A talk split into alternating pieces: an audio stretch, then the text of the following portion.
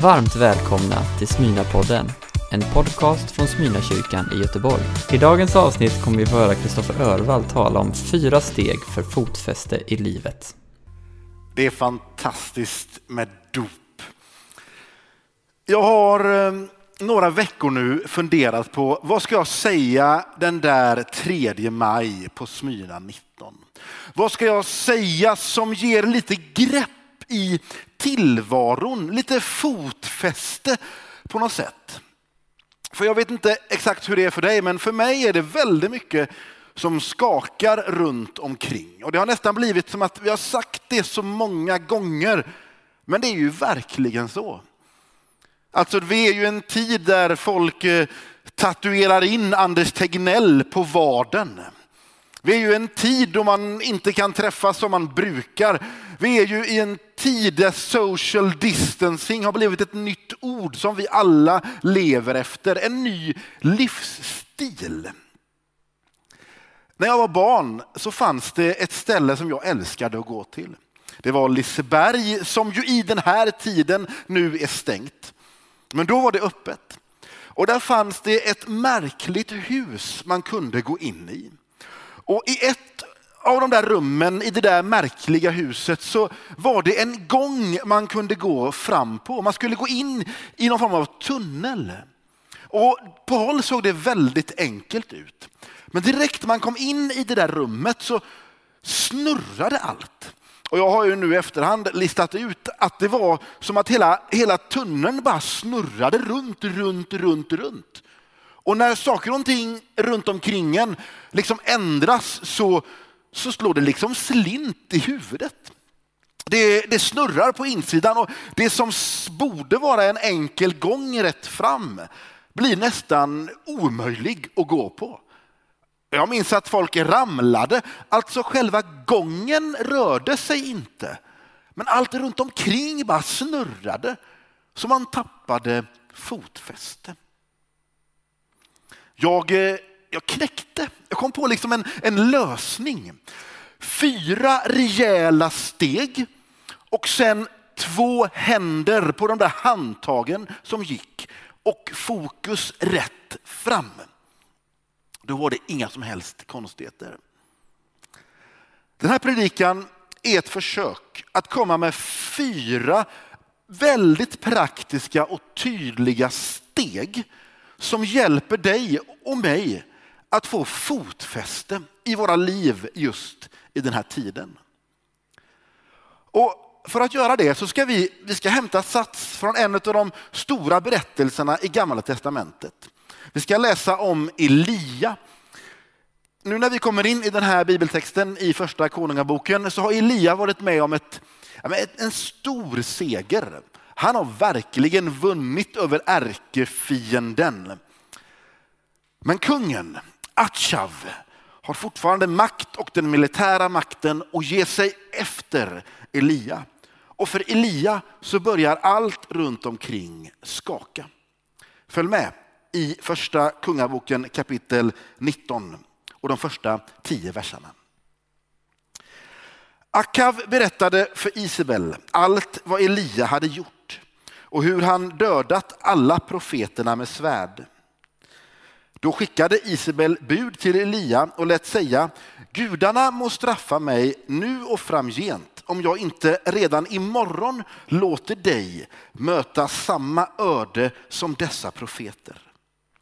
Elia blev rädd och flydde för sitt liv. Han kom till Bersheva i Juda där han lämnade kvar sin tjänare. Själv gick han vidare en dagsled ut i öknen och efter vandringen satte han sig under en ginstbuske och önskade sig döden. Det är nog, sa han. Ta mitt liv, Herre. Jag är inte bättre än mina fäder. Han la sig ner och somnade där under en ginstbusken. Då kom en ängel och rörde vid honom och sa, stig upp och ät. När Elia steg upp fick han se en glödkaka och ett krus med vatten vid huvudgränden. Han åt och han drack och han la sig att sova igen. Herrens ängel kom en andra gång och rörde vid honom. Stig upp och ät, sa han. Annars orkar du inte hela vägen. Elia steg upp, åt och drack och måltiden gav honom kraft att gå i 40 dagar och 40 nätter, ända till Guds berg Horeb. När han kom fram gick han in i en grotta och stannade där över natten. Då kom Herrens ord till honom. Varför är du här, Elia? Han sa, jag har gjort mitt yttersta för Herren, härskarornas Gud. Israeliterna har övergett ditt förbund, rivit ner dina altaren och dödat dina profeter med svärd. Jag ensam är kvar och nu står de efter mitt liv. Elia hade varit med om en stor seger. Men när kungen och hans krafter kom efter Elia, när allting runt omkring började snurra så tappade Elia fotfäste. Det var som att mörkret tog över hans liv. Han orkade inte mer. Han var hotad, han var ensam, han var gömd, han var helt uppgiven. Han hade glömt vad Gud hade gjort i hans liv. Och när han såg på omständigheterna och verkligheten runt omkring sig så blev han fullständigt övermannad. Och det finns en mening som jag känner igen mig i ibland. Så här stod det, jag har gjort mitt yttersta. Men ändå räckte det inte till. Känner du igen det? Du vet när man har gjort sitt allra, allra yttersta. Men det räcker ändå inte. Och då är det som att man tappar kontrollen. Och när man har ett uppdrag och när man vill röra sig någonstans men tappar kontroll, då blir man frustrerad. Och granne med frustrationen står ångesten och mörkret och knackar på dörren. Och man tappar fotfäste, greppet om livet. Var är Gud då? Lyssna, precis den frågan levde Elia med. Och så fortsätter jag att läsa texten. Herren svarade, gå ut och ställ dig på berget inför Herren. Herren ska gå fram där. En stark storm som klöv berg och krossade klippor gick före Herren. Men Herren var inte i stormen. Efter stormen kom ett jordskalv, men Herren var inte i skalvet. Efter jordskalvet kom eld, men Herren var inte i elden. Var är du Gud? Jag ser dig inte, jag behöver dig.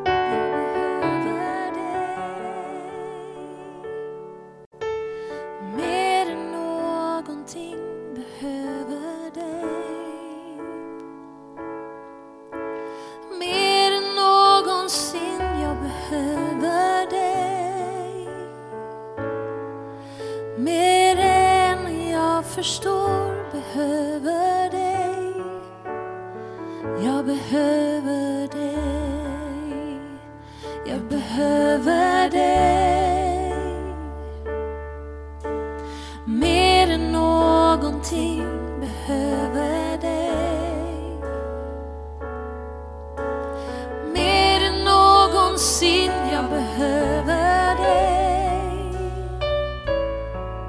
Mer än jag förstår behöver dig. Jag behöver dig. Mer än mitt hjärtas slag. Mer än mitt andetag. Mer än min morgondag. För varje dag som går. Jag följer i dina spår och jag vill aldrig någonsin vända om igen. Jag behöver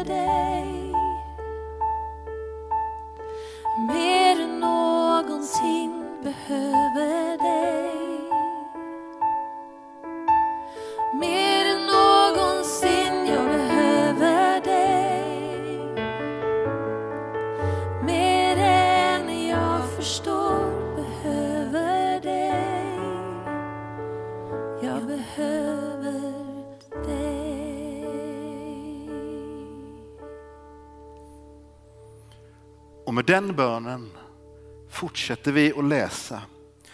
Så här står det. Efter jordskalvet kom eld, men Herren var inte i elden. Efter elden kom ett stilla sus.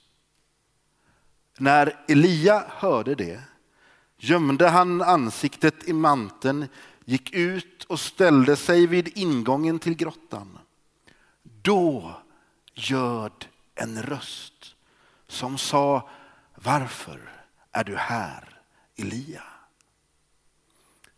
I det ögonblicket, på den där platsen med Elias desperata bön. Jag behöver dig mer än någonsin. Så närmar sig Gud själv. Inte i det stora, utan i en stilla rörelse så kan samtalet mellan Gud och Elia fortsätta.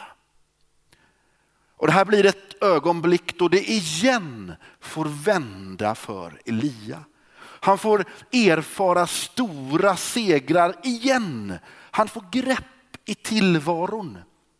Det fortsätter att snurra runt omkring. Det fortsätter att vara mer utmanande än någonsin. Men Elia har fått tag i något. Han har fått grepp i tillvaron. Han har fått fotfäste. När jag har läst den här texten de här veckorna när jag har funderat och brottats så har den här predikan på något sätt kommit till. Och och jag kan avslöja att det är ungefär så det brukar fungera när vi predikanter predikar. Vi läser Bibeln och så blandas det med någon form av egen erfarenhet och egen passion och glöd och hjärta. Och så blir det det här. Jag tror att det finns fyra steg. Fyra saker som gör att Elia får grepp. Han får liksom fotfäste. Och de, de första tre tror jag kan förvåna dig som ser på det här. Va? Är det här verkligen en predikan i en pingstkyrka? Jag, jag vill att du ska lyssna extra noga. För du som människa hör liksom ihop. Du sitter ihop med det som är din ande och din kropp och din själ. Och när den ena lider och när den ena delen kämpar så kämpar liksom hela människan. Så nu ska vi, dels utifrån min egen erfarenhet utifrån vad jag tror är viktigt För jag känner många av er som ser på det här, eh, inte alla, men många. Och jag känner min egen kamp. Och sen så ska vi läsa igen några verser om hur Elia fick fotfäste. Vad var det egentligen som hände? Jag läser vers 4 och eh, 8 igen. Själv gick han vidare en dagsled ut i öknen. Och efter vandringen satte han sig under en ginsbuske och önskade sig döden. Mm, tufft. Det är nog, sa han. Ta mitt liv, Herre. Jag är inte bättre än mina fäder. Han la sig ner och somnade där under ginsbusken. Då kom en ängel och rörde vid honom och sa, stig upp och ät. När Elia såg upp fick han se en glödkaka och ett krus med vatten vid huvudgärden. Han åt och drack och la sig att sova igen. Herrens ängel kom en andra gång och rörde vid honom. Stig upp och ät, sa han. Annars orkar du inte hela vägen. Elias steg upp, åt och drack och måltiden gav honom kraft att gå i 40 dagar och 40 nätter ända till Guds berg Horeb där han sen fick möta Gud själv. Vad är det som händer i den här texten? Ja, men det första, och jag tror att det här kan vara ett första steg för dig som vill få grepp på tillvaron just nu i den här tiden. Det var att han la sig och sov. Alltså, en av mina fyra punkter i den här predikan som jag förberett i fyra veckor är sov. Jag tror att du behöver sova. Det betyder att man behöver gå och lägga sig i tid och ha tillräckligt mycket lugn och ro omkring sig så att man kan sova. Minst åtta timmar per natt tror jag och en hel drös med sömnforskare är bra och nyttigt för dig. Känner du att orken på något sätt är borta? Att det snurrar för mycket? Hur ska du få grepp, fotfäste igen? Jag tror att du kan börja med att sova. Lägg dig lite tidigare ikväll. Några av er tänker ju att det är helt omöjligt att sova åtta timmar. Jag ska ju gå upp klockan åtta på morgonen eller klockan sju. Då måste jag ju lägga mig klockan elva eller klockan tolv. Ja, precis. Förmodligen så behöver du lägga dig säkert en timma tidigare för att du är så ovan att lägga dig så tidigt. Jag vet att det här inte är ett problem för alla, men för några av er som lyssnar på det här så är det här ett viktigt råd. Både från mig och jag tror att det är från ängeln i Gamla Testamentet och det kan vara från Gud själv. Söker du grepp i tillvaron, sov. Gör det regelbundet, gör det ordentligt. Det andra var att han åt. Så min andra poäng är att du ska äta. Ja, men det gör jag ju varje dag, tänker du. Ja, men det finns en poäng att faktiskt fundera över hur äter du? Och, och, och, tro mig, det här är ingen bantningsreklam. Jag är högst ointresserad av det. Jag tror förmodligen att du äter för lite och alldeles för sällan. Ät fyra gånger om dagen. Ät sånt som du vet vad det är. Ät. Gör det med liksom tacksamhet. Börja dagen som Elia. Gå upp och ät. Ta en kopp kaffe eller drick lite te och ät gröt, smörgås, ägg eller vad det nu är du vill äta. Och, och nu kanske någon av er har zoomat ut för, för länge sedan och tänkt, men vad har det här med, med Gud och anden att göra? Jag vet inte hur många samtal jag har haft med någon som just du, som känner att livet liksom, jag orkar inte, jag orkar inte, jag har ingen kraft. Kan det vara den onde själv som är över mig? Och så brukar jag ställa frågan, ja men äter du ordentligt? Sover du ordentligt? Och väldigt ofta så har de grejerna liksom fallit helt och hållet ur planen. Det är inte konstigt att man är tom på kraft, tom på regelbundenhet om man inte äter och sover. Den, sista är, eller den näst sista är möjligtvis lite präglad av vad jag tycker om. Men det Elia fick göra, det var att han fick röra på sig. Mm, här är det väl överdrivet. Han gick i 40 dagar. Du behöver inte gå i 40 dagar om du inte hör en annan röst än min, nämligen Guds röst eller en ängel över dig. Men jag tror att det är nyttigt att varje dag gå lite. Ut och rör på dig. Om du har möjlighet. Alla har inte den fysiska möjligheten, men du som har det, var tacksam över den. Och har du ganska, har du, har du liksom ganska stor rörlighetsförmåga, se till att bli trött i kroppen lite varje dag. Jag tror att det är ett väldigt bra råd för att få grepp om tillvaron, fotfäste i livet. Så de första tre punkterna, sov, ät, rör på dig. Och så den fjärde, be. Tala med Gud. Tala med Gud och säg precis som det är.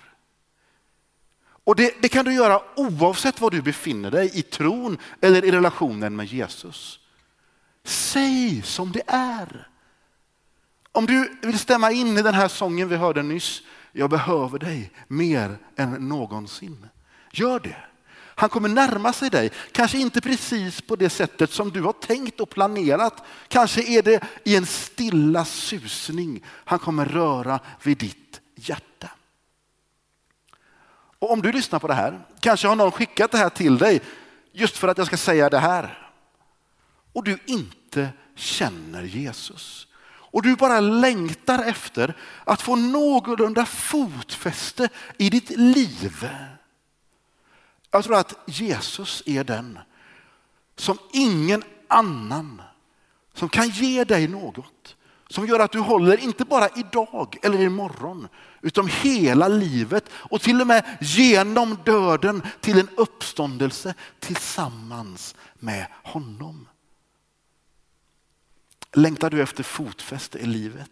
Längtar du efter att det ska snurra lite mindre? Följ Elia.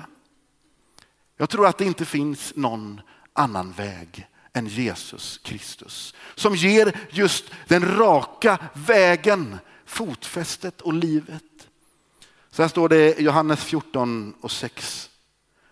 Jesus svarade, jag är vägen, sanningen och livet. Ingen kommer till Fadern utom genom mig. Låt oss be. Tack Jesus för berättelsen om Elia. Om hur det stormade för honom. Herre, du vet att några av oss befinner sig just i den stormen. Där fotfästet har tappats. Herre, tala till oss. Vi kommer som de vi är just nu. Vi behöver dig. Vi vill vara nära dig. Kom till oss i stillheten. I Jesu namn. Amen. Du har lyssnat på en predikan från Smyrnakyrkan i Göteborg. Hjärtligt välkommen att lyssna igen eller besöka Smyrnakyrkan. Gud välsigne dig och din vecka.